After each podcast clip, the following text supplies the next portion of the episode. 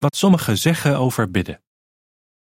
Als ik bid, is het alsof God naast me staat, mijn hand vasthoudt en me leidt als ik niet weet wat ik moet doen.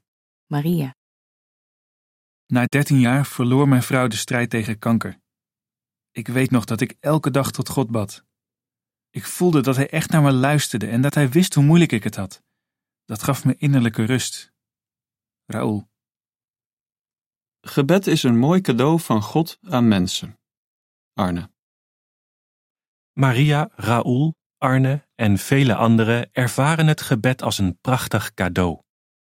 Door middel van het gebed kunnen ze tot God praten, Hem bedanken en Hem om hulp vragen.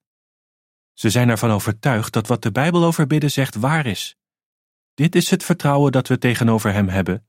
Als we iets vragen dat in overeenstemming is met Zijn wil, hoort Hij ons. In Johannes 5, vers 14. Maar er zijn ook veel mensen die niet geloven wat de Bijbel over bidden zegt. Steve vertelt hoe hij erover dacht. Toen ik 17 werd, raakte ik in korte tijd drie van mijn vrienden kwijt.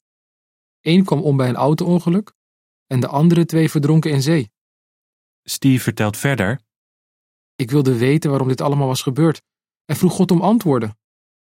Maar toen ik geen antwoord kreeg, vroeg ik me af: heeft bidden eigenlijk wel zin? Veel mensen hebben zich hetzelfde afgevraagd toen het leek alsof God niet naar hun gebeden luisterde.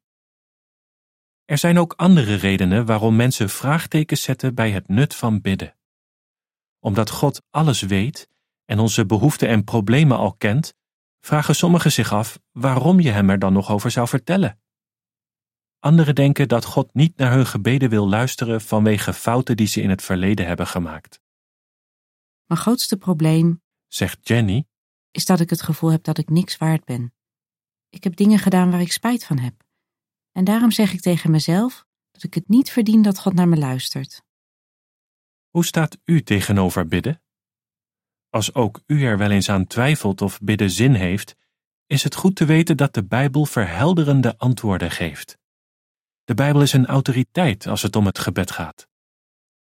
De voetnoot luidt: In de Bijbel staan gebeden van veel van Gods aanbidders, onder wie Jezus Christus.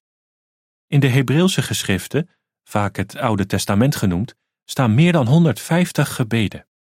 Einde voetnoot. U vindt er antwoord op vragen als: Luistert God echt naar onze gebeden? Waarom worden sommige gebeden niet verhoord? Hoe kunt u zo bidden dat God naar u luistert?